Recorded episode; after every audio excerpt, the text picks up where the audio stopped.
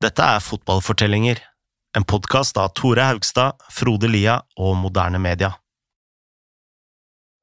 På 70-tallet får italiensk fotball et av de mest berykta lagene europeisk fotball har sett.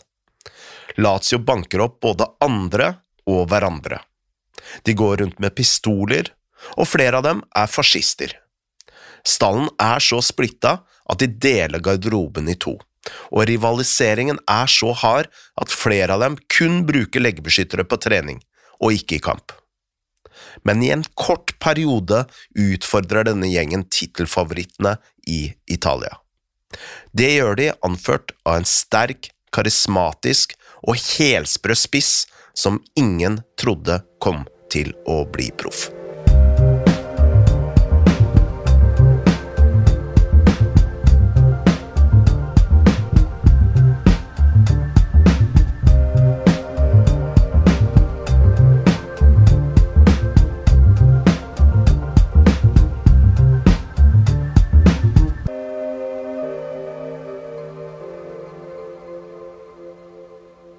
Selv om vi skal fortelle om et lag fra vakre Roma, så begynner vi i den regntunge hovedstaden i Wales, nemlig Cardiff.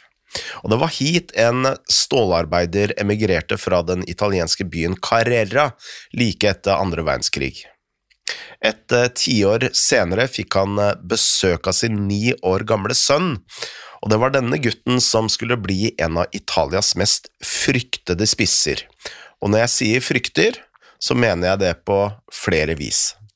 Denne gutten het altså Giorgio Kinaglia. Det var tøft for han å flytte fra Toskana til Cardiff i en så ung alder, og ikke bare fordi han gikk fra solskinn og, og sommer til eh, regn og kulde. Han og faren eide knapt nåla i veggen.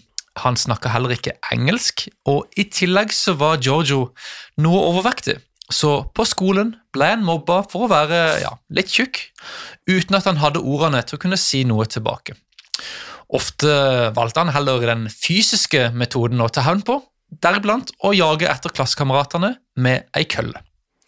Giorgio ville egentlig begynne med rugby, som er en eh, enorm sport i Wales, men da faren fikk høre om dette, tente han på alle plugger og fortalte sin sønn at italienere driver ikke med slikt vås, de spiller fotball, og kun det.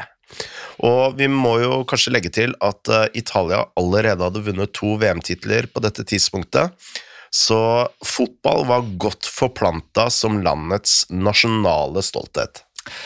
Kinalia ble fort en merkelig spiller. Som spiss var han et fysisk beist, og han hadde en selvtillit som var helt fullstendig urokkelig. Men om han var et mareritt for motstandernes forsvarere, så var det samme sant både for medspillerne og ikke minst de stakkars trenerne. Kinalja løp nesten ingenting, verken med eller uten ball. Uh, tok ingen løp, jobba ikke hjemover. Ja, brydde seg egentlig ingenting om lagarbeid. Uh, og når han først fikk ballen, så var det ikke snakk om å sentre. Han skulle skåre mål først, og så fikk resten vente i tur og orden. Han var fullstendig håpløs når det kom til å liksom gi jernet på treningsfeltet, eh, og ofte var jo dette fordi han dukka opp både trøtt og fyllesyk, gjerne etter ei lang natt med poker, drikking og gambling.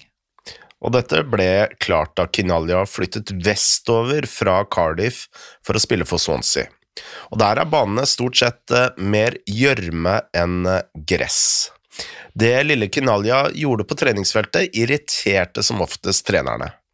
Da han eh, en gang ble beordret til å male en del av stadion, tok han en stor kanne med maling, åpna lokket, løfta bøtta over hodet og kastet det på en av tribunene. En gang stjal han en traktor, og ved en annen fight kastet han en høygaffel. Han eh, kom også på kanten med treneren Trevor Morris, som han eh, visstnok skal ha angrepet med en øks. Ja, eh, og han varte heller ikke særlig lenge i Swansea. Han forlot klubben etter kun fem kamper for A-laget og ett mål. Og Innen det så hadde han fått et så dårlig rykte at selv ikke lokale lag i Wales hadde lyst til å gi han sjansen. Swanseas president Glenn David sa at Kenalia aldri kom til å bli proff. Han var helt sikker på dette. Så uten verken venner eller noe lag, og nå som han var 19 år og var stor nok til å bestemme eh, sin egen skjebne, så flytta Kinalia tilbake til Italia, hvor han gikk inn i militæret. Der følte han seg mye mer hjemme enn han hadde vært i regnet i Wales, og denne tida i hæren ga han også litt struktur og disiplin som han sårt trengte. Kinalja fortsatte også fotballkarrieren med et lag kalt Massese i Serie C. Men eh, innen sommeren 1969 hadde han gjort det godt nok til å bli kjøpt av Lazio, som eh, nettopp hadde rykket opp til Serie A. Han var nå 22 år, men han var fortsatt beistet av en spiss som hadde løpt og slåss gjennom gjørma i Wales. Så mange trodde at han kom til å falle igjennom i det beste selskap. Den eh, legendariske spissen Omar Sivori som eh, da var i Fiorentina, sa at Kinalja hadde elegansen til en elefant som hadde løpt inn i en porselensbutikk. Den sesongen var forventningene i Lazio lave. De hadde aldri vunnet Serie A, og de hadde egentlig aldri heller kjempa om tittelen skikkelig, utenom en kort periode på 30-tallet, da Silvio Piola hadde sin storhetstid. Det eneste trofé Lazio hadde vunnet, var en Coppa Italia i 1958. Mer nylig hadde det vært et sånn typisk jojo-lag som hadde gått opp og ned mellom de to øverste divisjonene, og eh, Knalja så fort at det var en grunn til denne ustabiliteten. Da han kom til Lazio, så kommenterte han at hele klubben var et salig rot. Den nye treneren i Lazio var Juan Carlos Lorenzo, en eh, argentiner som var en disippel av Helenio Herrera en eh, fyr vi kjenner veldig godt fra sesongen om El Clásico. Lorenzo var ikke bare like defensiv som Herrera, han var også like kynisk og gjorde hva som helst for å vinne. Lorenzo hadde faktisk trent Lazio før, fra 1962 til 1964, og i den perioden hadde han blitt utestengt fra fotballen i seks måneder for å ha storma ut på banen og beordra sine spillere om å meie ned motstanderne. En annen gang ble han så sint på sine spillere at han tok alle shortsene og skoene som lå i garderoben, samla de i en haug og satte de i fyr og flamme. Lorenzo var også overtroisk. Da lagene hans eh, spilte borte, krevde han å få sove i hotellrom nummer syv, og om en eh, svart katt eh, kryssa veien, på vei til stadion ba han bussjåføren om å endre rute. Så eksentrisk var Lorenzo at selv Kinalja sa at han var gal. Men Lorenzo han fikk resultater med disse sprø metodene. Uh, Lazio de kom på en overraskende åttendeplass den sesongen, og Kenalia han storspilte. Forsvarerne i Italia var ikke vant til å ha en så fysisk og røff spiss som liksom løp etter hver eneste lange pasning og som bare brøyta seg gjennom selv de sterkeste og mest brutale forsvarerne. Og snart uh, oppretta liksom Canaglia seg en egen sånn liten myte i Italia. Uh, det sirkulerte en historie om hans første treningsøkt i Lazio, hvor han skal ha fyrt av et skudd som var så hardt at det hadde ødelagt tverrleggeren. De nøytrale var selvfølgelig lite imponert over denne stilen Kinalja hadde, siden han verken hadde teknikken eller elegansen til å liksom underholde uh, de nøytrale. Men uh, Lazio-fansen de elska han jo selvfølgelig. Uh, de likte karismaen, viljestyrken og de ville feiringene når han skåra. Så de ga Kinalja kallenavnet Long John, en referanse til den walisiske legenden John Charles, som hadde herja for Juventus ett tiår tidligere, og som vi selvfølgelig husker igjen fra sesongen om Don Ravis Leeds. Men selv Lazios fans slet med å virkelig forstå Kinalia. Han eh, var alltid aggressiv og tøff, men eh, når en slåsskamp eh, endelig brøyt ut, så var han sjelden involvert. Og dette kom frem til syne da Lazio møtte Arsenal første runde av Messeby-cupen. I Roma ble Arsenal-forsvareren Sammy Nelson stemplet og spytta på, før eh, Lazio-fans bombarderte Arsenal med appelsiner og ja, ymse andre objekter. Ja, skal ikke nevne for mange. for å skvære opp møttes de to lagene til middag på en restaurant senere den kvelden. Der ga Lazio-spillerne, til og med Arsenal-spillerne, lærvesker i gave.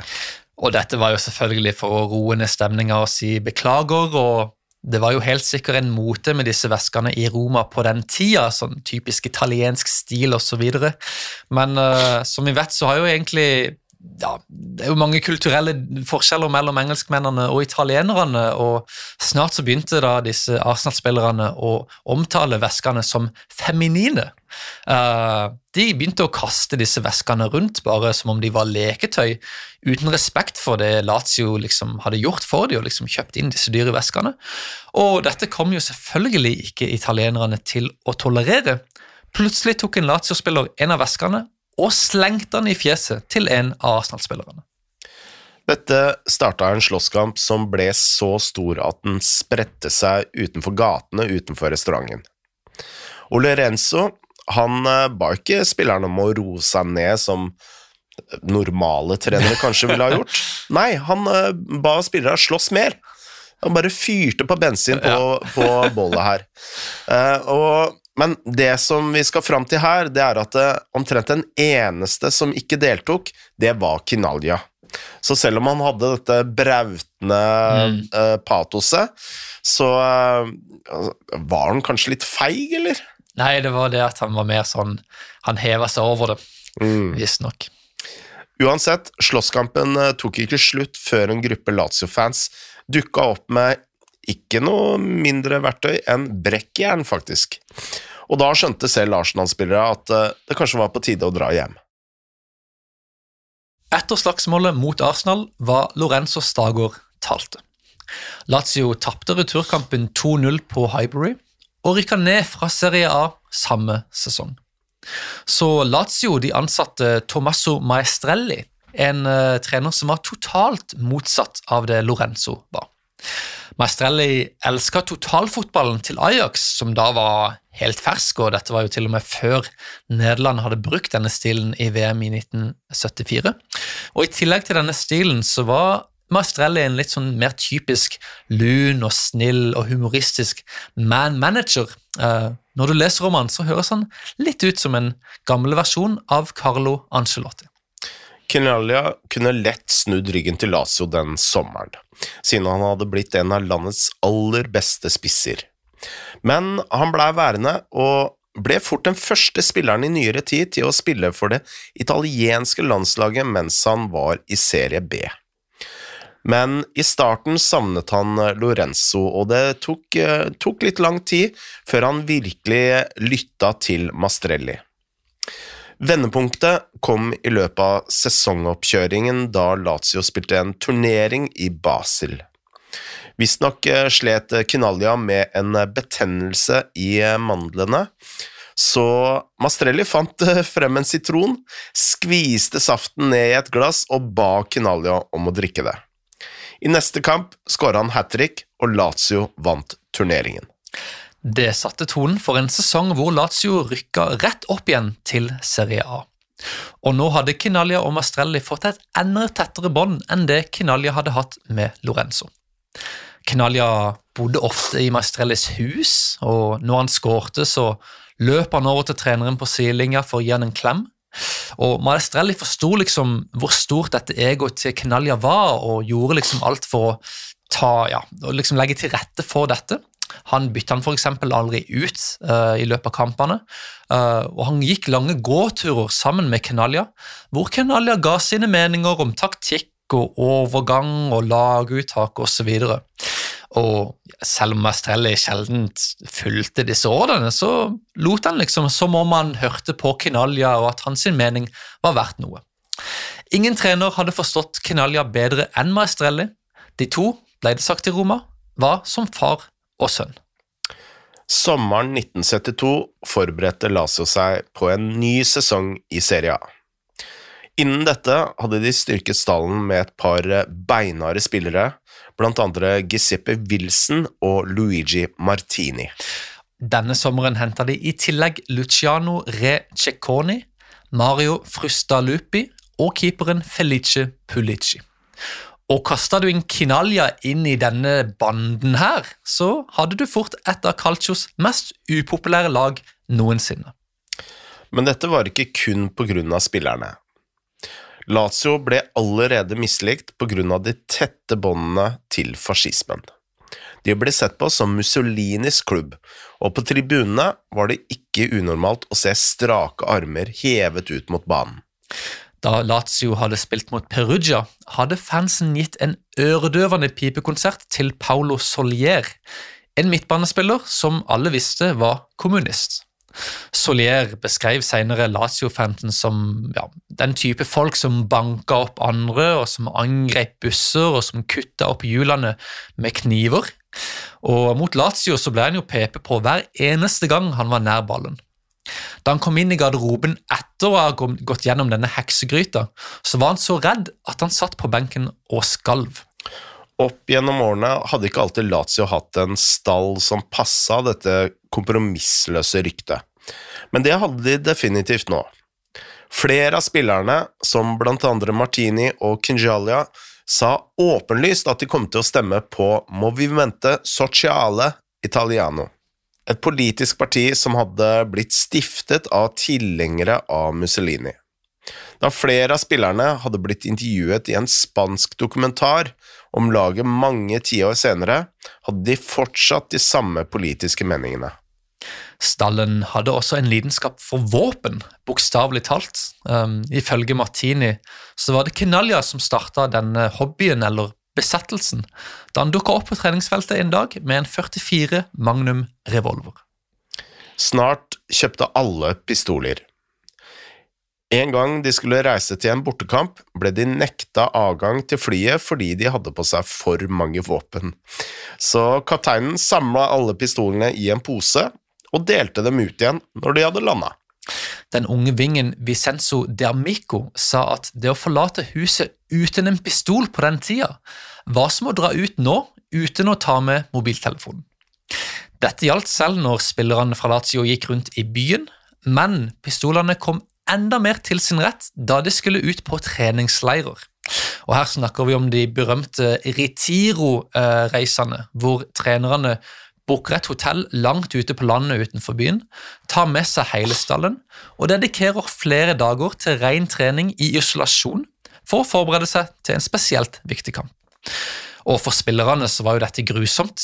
De kunne jo verken feste, drikke eller se koner, kjærester og familiemedlemmer. Lazio hadde et fast hotell de alltid dro til, som het La Americana.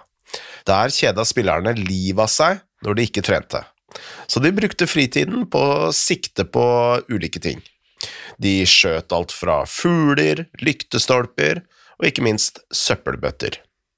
Da en gruppe Roma-fans dukka opp for å skape leven på natta, sånn at spillerne skulle sove dårlig før et derby, ble det fort møtt med pistolskudd, og vi må vel bare anta at det var for å skremme. Ja, vi må bare unnse det. Det var heller ingen grunn som var for liten for disse Lazio-spillerne til å fyre av et skudd. Uh, en kveld så skal en spiller ha lagt seg i senga, uh, pakka dyna godt over seg og liksom har virkelig vært komfortabel. Og så oppdager han at han hadde glemt å skru av lyset. Men i stedet for å liksom gå opp igjen fra senga og bli kald og liksom måtte gå bort på andre sida av rommet for å skru av bryteren, så henta han bare frem pistolen med nattebordet, sikta og skjøt lyspæra i tusenklass. Om det var på grunn av skytingen, vet vi ikke, men Lazio starta sesongen dårlig. De kom på sisteplass i sin gruppe i Coppa Italia, og noen fans ville ha Mastrelli ut allerede før ligasesongen hadde starta. Men Lazio begynte Serie A bra. Da våren kom, vant de åtte ligakamper på rad. Laget mange hadde tippet under streken, var plutselig med i kampen om tittelen.